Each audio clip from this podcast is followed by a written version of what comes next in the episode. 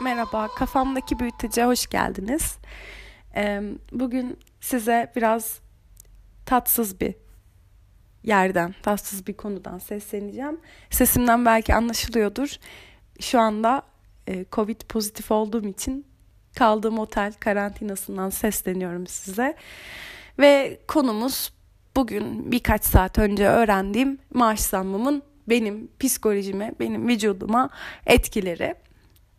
Ben konuma e, şuradan başlamak istiyorum. Mezun olduğum ilk zamandan, e, okuldaki son senemden başlamak istiyorum.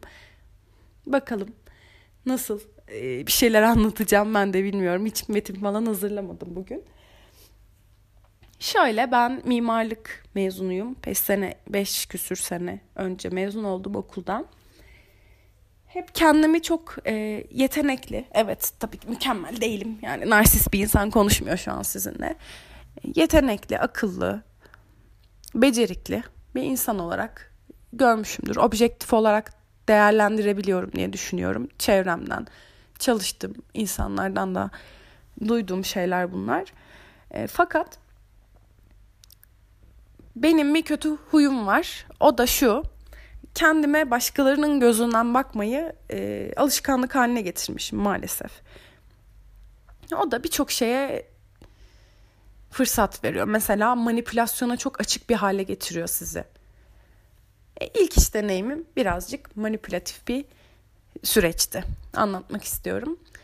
Mezun olduğumda ben memur çocuğuyum. E, benim ailem mezun olduklarında o zaman tabii atanmada e, sıkıntılı değilmiş.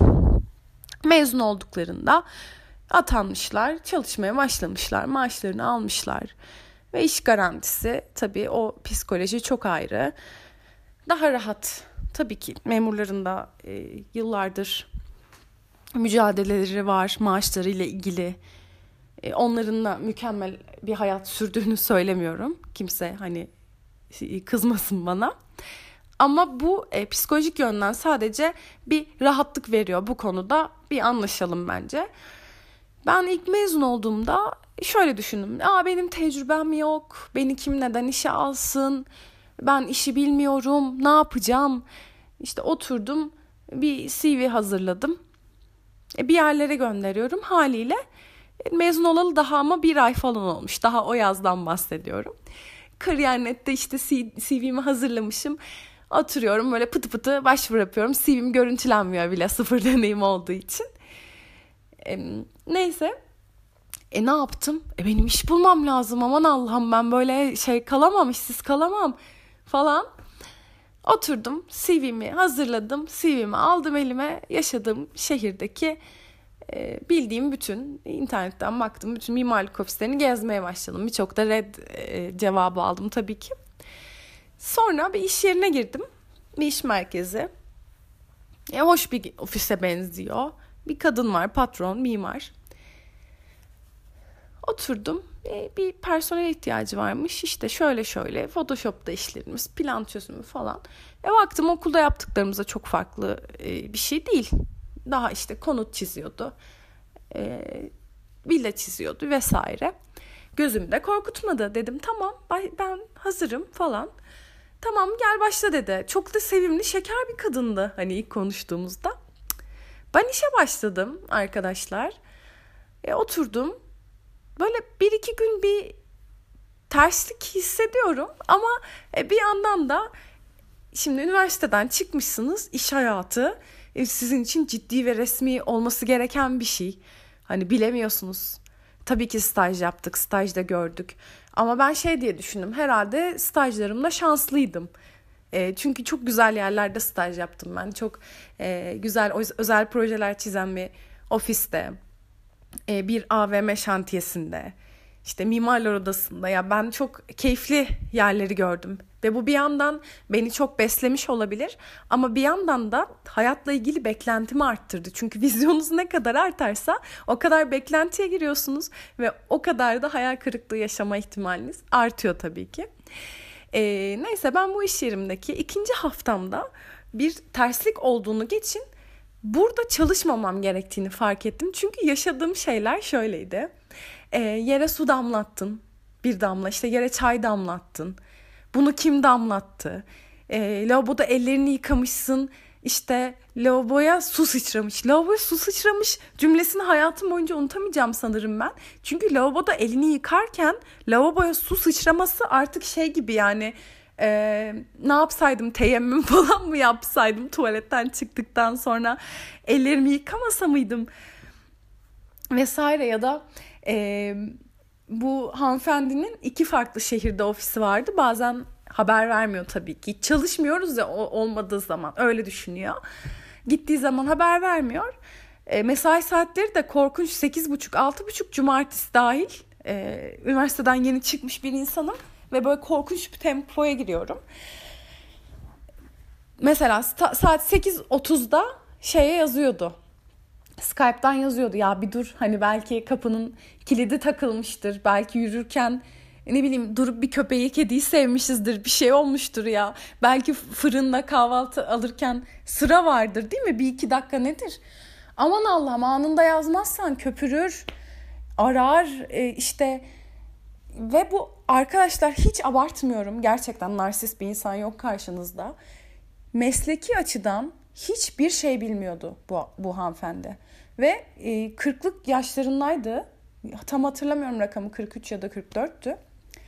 E, bizim çizim programlarımıza hakim değil. Detay çözmeyi bilmiyor e, nasıl yani iş alıyor, nasıl iş yapıyor gerçekten anlamakta çok zorlandım ve bir yerden sonra artık bu bir benim için gözlem noktası haline geldi. E, ve bu mobbingin dozu her geçen gün arttı. Hakaretler başladı. Aptal mısınız? Demeler başladı. Üstelik bir gün A dediği şeyi A olarak yapıyoruz. Neden bu A'yı yaptın gibi. Hani böyle bildiğiniz e, şansıma, bahtıma benim psikolojisi bozuk bir insana geldim çattım. Ve o zaman içimde tomurcuklanan bir his var. Şimdi işte bugüne refer etmemin sebebi buydu. O his şuydu. Ben yetersizim sanırım. Yoksa durduk yere bu insan neden bana böyle davransın? Ben bu işten çıkarsam hiç deneyimim yok. Neden çıktığımı sorarlarsa nasıl söyleyeceğim? Aptal mısın diye duyduğum için mi çıktım diyeceğim. Belki aptalım. Yani o kadar genç ve naiftim ki bunu hissettiğim için 6 ay çalıştım. Ve bu 6 ayın e, sanırım 3-4 ayı her akşam işten geldiğimde eve ağlayarak geçti. Ve çok çok çok kötüydü yani gerçekten çok kötüydü ve sürekli internetten iş başvurusu yaptım. Çıkmaya cesaret edemediğim için bugün bile kendime çok kızıyorum. E, ardından bir hocam sağ olsun e, vesile oldu. Ve başka bir ofise geçtim sonunda.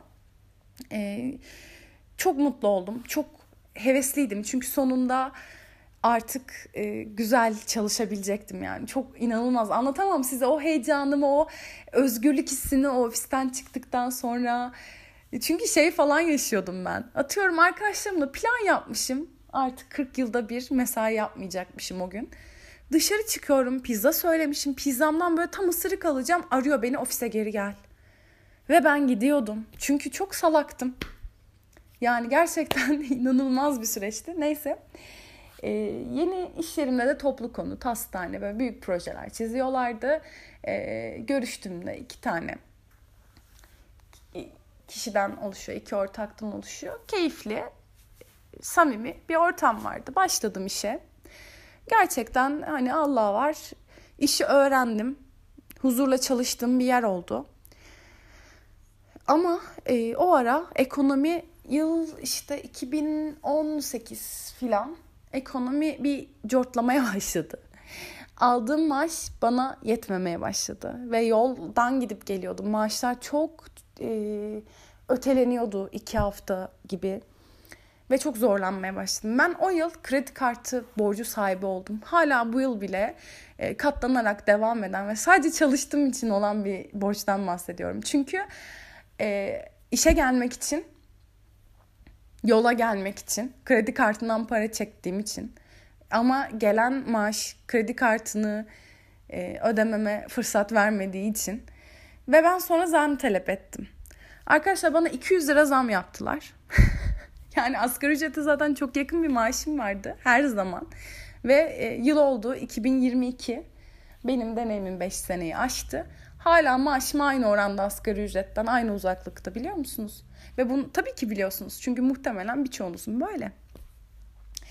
Ben bu iş yerinde de e, her ne kadar samimi bir ortam olsa da ki bu son, samimiyet aynı zamanda bir misafir geldiğinde çay götürmeyi, tuvaleti temizlemeyi, ofisi temizlemeyi, patronun kızına hafta sonu işim olmasa da ki şöyle anlaşılmıştı işin yokken cumartesi çalışmayacaksın.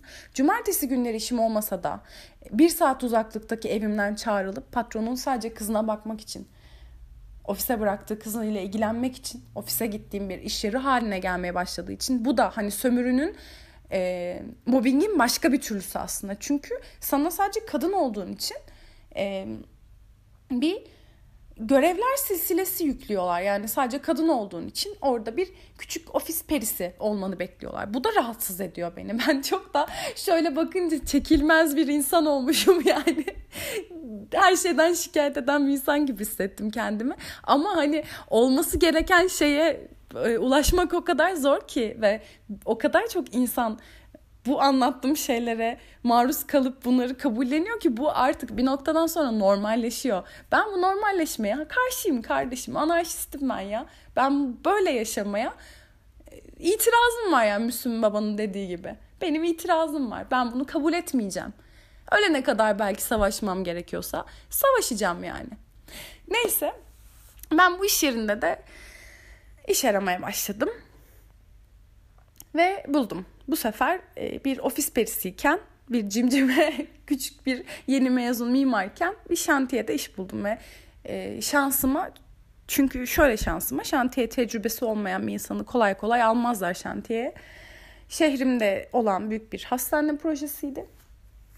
Ve e, çok mutlu oldum gerçekten. Yine aynı e, kısır döngü. Ben öyle bir hevesle başlıyorum. Bir e, koşa koşa cıvıl cıvıl başlıyorum kendi emeğimi ortaya koyuyorum. Çalışıyorum, uğraşıyorum. Yanlış yaptığım bir şey varsa iki kat çalışıyorum. E, mutluyum işe giderken. Böyle bir süreçle başlıyorum. Her şey çok güzel. Gök kuşakları, işte her şey güzel olacak. Başaracağız bu sefer. Her şeyi yoluna koyacağım galiba bu sefer falan. Neyse. Sonra e, yine işte bir sene falan geçti. Zaten olaylar şeyde cortluyor. Zam dönemlerine cortluyor her zaman. E zam zamanı geldi. Asgari ücrete zam geldi ki zaten e, bu arada asgari ücret asgari ücret diyoruz biz beyaz yakalılar. Muhtemelen çok itici görünüyor ama e, asgari ücrete tabii ki gelen zam da düşük. Her zaman enflasyondan daha düşük. Ama şöyle düşünün. E, beyaz yaka insanların çoğu mesaisiz çalışıyor. Çoğu e, üzerlerinde her zaman sen aptal mısın, sen beceriksiz misin gibi bir baskı kurulduğu için mesai saatleri dışına taşırıyor işlerini. Başka bir stres var yani üzerimizde. Bunu tam olarak belki kelimelere dökemem. Ama bu yüzden de e, işi bittiğinde hani kapı çekip çıkan bir insanla daha karşılaştırabiliriz. Çünkü bizim sonuçta ailemizin bizi yıllarca okutmak için harcadığı emek, para, bizim yıpranmışlığımız. Bu, bunların hesaba katılması gerekiyor. Bunlar görünmez şeyler değil çünkü. Neyse yine asgari ücrete çok yakın bir maaşım vardı. E, bu sefer tabii burası büyük bir firma. Artık öyle gidip patrona pıtı pıtı gidip cimcime kız gibi ya benim maaşım çok düşük falan diyemiyorsun. Önce işte yöneticine gidiyorsun, o yöneticisine gidiyor falan. O arada da şeyler aylar yıllar geçiyor yani sen yöneticine gidiyorsun ha oldu ha olmadı. İşte olacak bakalım yapılacak. İşte şu günü bekleyelim, şu zam dönemi bekleyelim. İlk zam döneminde pardon bana zam yapılmadı. İkinci zam dönemi zaten bir sene sonra falan oldu. Bir buçuk sene sonra bile olabilir. O kadar kuş gibi kaldı ki maaşım ve e, çok dengesiz bir şey oldu. Yeni işe aldıkları personeller bizim yaklaşık iki katımız maaş almaya başladı. Bir yandan e, kurumsal bir firma yani bir belli konfor alanları var. Yan hakları çok işte güzel. Yani servis falan var yanak dediğimde. Şey değil yani. Full sağlık sigortası falan beklemeyin tabii ki bu ülkede. Neyse. Ee, bu sefer e, beni yine dürttüler cinler. ben yine böyle e, çıkıntılık yaptım. İşte e, sözlü söyledim olmadı, dilekçe verdim olmadı, işte denetime gittim olmadı bilmem ne. Sonunda e, bir maaş zammı yapıldı. E, bu sefer de bu maaş zammı yine beni tatmin etmeyince şapkamı aldım önüme düşündüm. Dedim ki yani çaren ne? Çaren istifa etmek. Bir iş e, aradım. Buldum. Ve istifa etmek için gittim görüştüm. E, pek tabii ki güzel karşılanmadı. Çünkü hani zam alan e, personelin istifa etmesi bir hakaret gibi görülebiliyor pek çok iş yerinde. Ya hoş bir ayrılık olmadı diyebilirim. Çünkü o öndeki e, çabalama sürecim çok kanlı ve çok yani gerçekten kan ter gözyaşı diyebileceğim avukatların dahil olduğu yani işlerin çirkinleştiği bir süreçti. Sonrasında gittiğim iş yeri gerçekten alıştığım kurumsallığın dışında hani e, o kadar emek o kadar yıl boşa vermişim gibi gerçekten küçük e, kurumsal olmayan ve e, kalitesi düşük bir iş yeriydi açıkçası maalesef yani bu bu podcast'ı muhtemelen e, ben de arkadaşlarımla paylaşacağım ve muhtemelen e, bu süreçleri bilen, beni tanıyan, belki bu firmalardaki yöneticilerim, çalışma arkadaşlarım dinleyecek. Kusura bakmasınlar. Yani objektif olarak şu an e, çok objektif konuşmaya ihtiyaç duyduğum bir gündeyim. E, maalesef işte kurumsal olmayan ve kalitesiz bir firmada çalıştım. E, ve orada yıllar önceki hissimi tekrar hissettim. İlk iş yerimdeki yaşadığım mobbingi tekrar yaşadım. Ve bu beni gerçekten çok yordu. Beni çok yetersiz hissettirdi.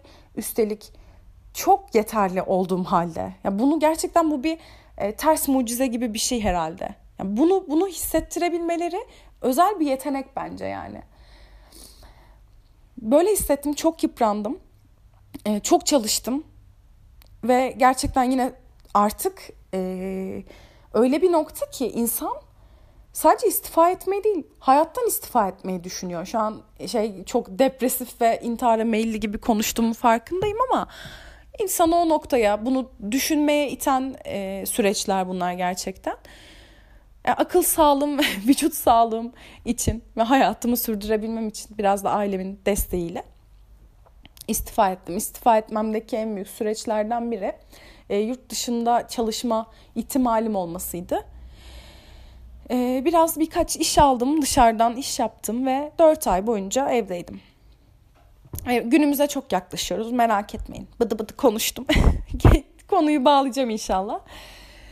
E, 4 ay evde olduğum halde hiç keyif yapamadım. Yani uyku düzenim zaten e, gece gündüz değişti. Çünkü e, aile, ailemle kalıyorum ve e, bir yerden sonra mesela iş yerinde bir hayatın oluyor. İşte orada özel bir alanın oluyor.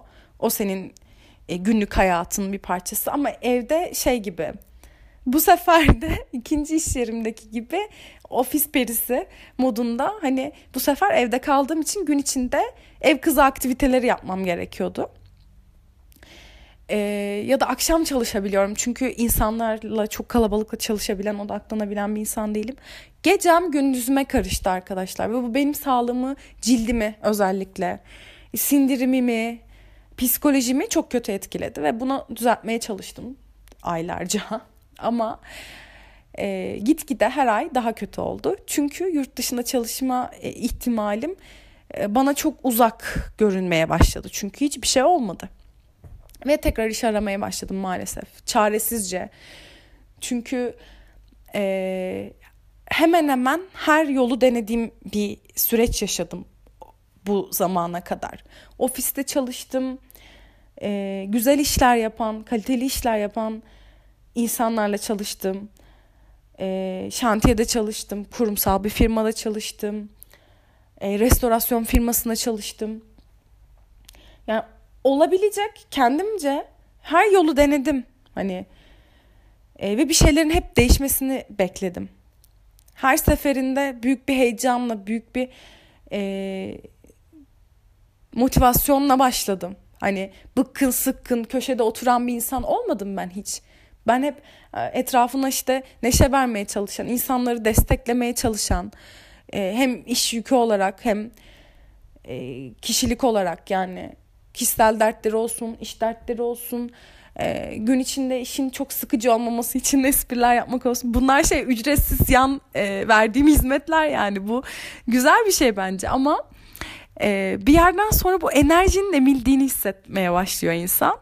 Çünkü e, şeyin motivasyonu düşüyor çünkü umudun kırılıyor. Ya hayatta umudun kırılması kadar acı verici çok az şey var bence. Geleceği görememek o bence şey gibi hayat suyu dediğimiz şey umut bence kesinlikle ve bunu kaybedince çok çok çok karanlık bir yere dönüşüyor. Rüyaların bile karanlık oluyor. Artık rüyalarına bile ışığı kapatıyorsun. Ee, gel gelelim son iş yerime. Son iş yerimde e, LinkedIn'den bir çağrı yapmıştım iş aradığıma dair. Sağ olsun şu anki patronum, yöneticim e, iletişime geçti ve geçenlerde bölüm adını tam hatırlayamayacağım ama The Office'te Michael Scott'ın istifa ettiği bir bölüm var ya. İşte o bölüme refer edeceğim. Ee, çok challenge'lı bir e, iş teklifiydi bu. Çünkü bu iş teklifi bir aylığına beni o olaylı ve çok gururlu bir şekilde ayrıldığım iş yerine taşeron olarak göndermeyi kapsıyordu. Ve e, o kadar umutsuz bir durumdaydım ki iş bulamayacağıma dair, aileme yük olduğuma dair. Ve ben bu işi kabul ettim. Çok yüksek olmayan bir maaşa. Ama bana bir söz verildi. Ve çok önemlidir sözler benim için. Söz şuydu, bir aylığına bu maaş, bir aylığına bu konum. Ancak e, benim işe gireli hemen parmak hesabı yapıyorum. 3 ay 3 ayı geçiyoruz şu anda. 3 ay oldu. Ve benim e, o konumum değişmeyecek. Maaşım da çok az değişti şimdi son asgari ücret zammı üzerinden. E, belli olmayan bir oranda bir zam aldım. Ve bu patlama noktası benim için. Bugün benim hayatımda yaşadığım sayısız patlama noktalarının en büyüğü diyebilirim. Çünkü artık e, öğrenme her zaman devam edecek. Bunu asla e, reddedemem. Öğrenme her zaman devam edecek hayatımızda ama bugün artık benim karşılığını almam gereken bir süreçteyken hakaret olarak algıladım son maaşımı. Bu e, beni çok rahatsız ediyor. Çünkü öyle bir nokta ki beş buçuk sene oldu sanırım evet geçti hatta beş buçuk seneyi. Beş buçuk senedir yeni mezun e, statüsünde değerlendiriliyorum. Hep o maaş skalasındayım. Asla artmıyor. E, bir yandan e, benim e, sahip olduğum özelliklere yakın, daha düşük, daha yüksek, aynı fark etmez. Özellikle ki insanlar e, daha iyi işlerde çalışabiliyor. Ya bu aman Allah'ım yani beynim patlayacak gibi. Allah'ım ben nerede yanlış yaptım? benim hatam neydi falan diye ki inançsız bir insandım ama galiba son e, bir senedir Tanrı inancım var çünkü şey hayatta kalma içgüdüsü gibi bir şey. Bir şeye inanmak zorundayım. Bakıyorum hani patronuma yöneticime inanamıyorum. E, hayat şartlarımın değişeceğine inanamıyorum. Belki ahirete inanayım. Belki bir yerde hani sonsuz bir huzur vardır falan. Böyle. Böyle işte. Yani böyle bir süreçteyim. Eee bulunan burada benimle bu karanlıkta bulunan herkese kolaylıklar diliyorum. Çünkü çok zor, çok zor bir şey. Çünkü hayatta e, iş aslında bizim dayanacağımız sağlam bir duvar gibi olmalı. Biz e, özellikle bir kadın olarak. Bu çok önemli bir konu. İşin çok sağlam olmalı. Çünkü hayatta her gün o kadar zor şeyler oluyor ki sağlık, aile, ilişkiler, e, haksızlıklar ama bu sürekli gittiğin geldiğin bir iş yerinde sana yapılan sistematik işkence e, insanın dir- yaşama direncini yani o direncini, savaşma direncini kırıyor. Biz çok e, korkunç bir sınırda yürüyoruz bence bu ülkedeki pek çok eğitimli ve beyin göçü yapamamış insan olarak. Ve şunu söylemek istiyorum size. E, ve kendime yetersiz değilsiniz. Yetersiz hissettirildiniz. Sistematik olarak psikolojik işkenceye maruz bırakılıyoruz ve bunun e, kaçışı yok evet ama bununla savaşmanın tek yolu ayağa kalkıp dimdik durup kimin nasıl yorumladığı hiç umurumda değil. Birileri bunu çirkeflik olarak yorumlayacaktır. Bu kadar cesaretli olmayan insanlar eminim ki. Ama e, dimdik durup hayır ben bunu hak etmiyorum. Hayır ben bundan daha iyiyim. Bu yaptığınız haksızlık demek hakkını savunmak gerekiyor. Çünkü ben savunmazsam çıkarsam bu iş yerinden başka biri belki benim maaşıma, daha az maaşıma, daha az tecrübeli, belki benim gibi kendini kötü hisseden, belki 4 aydır değil bir senedir işsiz olan ya da bir önceki iş yerinde çok kötü muamele gören bir insan bu işi kabul edecek ve bunu bilen patron asla o pozisyon için bir iyileştirme yapmayacak arkadaşlar. Korkunç yani her ne kadar iş sahipleri patronlar ağlıyor olsa bile ekonomiden kaynaklı eminin emin olun eminim bizim üzerimizdeki yük çok daha fazla. Yani emeği üreten e, bu kadar insana, bu kadar patrona, bu kadar iş adamına bu zenginliği sağlayan insanların üzerindeki bu baskı e, haksızlık ve bence ya bu böyle çok anarşist ve çok şey bir e, yayın oldu. Ayağa kalkın tüm halklara sesleniyorum falan gibi bir şey oldu. Ama artık ne yapayım yani ya? Bir çözüm bulmak zorundayız bence. Böyle yaşayamayız değil mi? Siz nasıl yaşayabiliyorsunuz? Gmail adresim vardı benim bir tane. Bence tam bu bir dertleşme podcast'te. Mail atın bana. Kafamdaki büyüteç at gmail.com Bekliyorum maillerinizi. Sağlıklı, huzurlu, mutlu kalın. Hoşçakalın. Görüşmek üzere.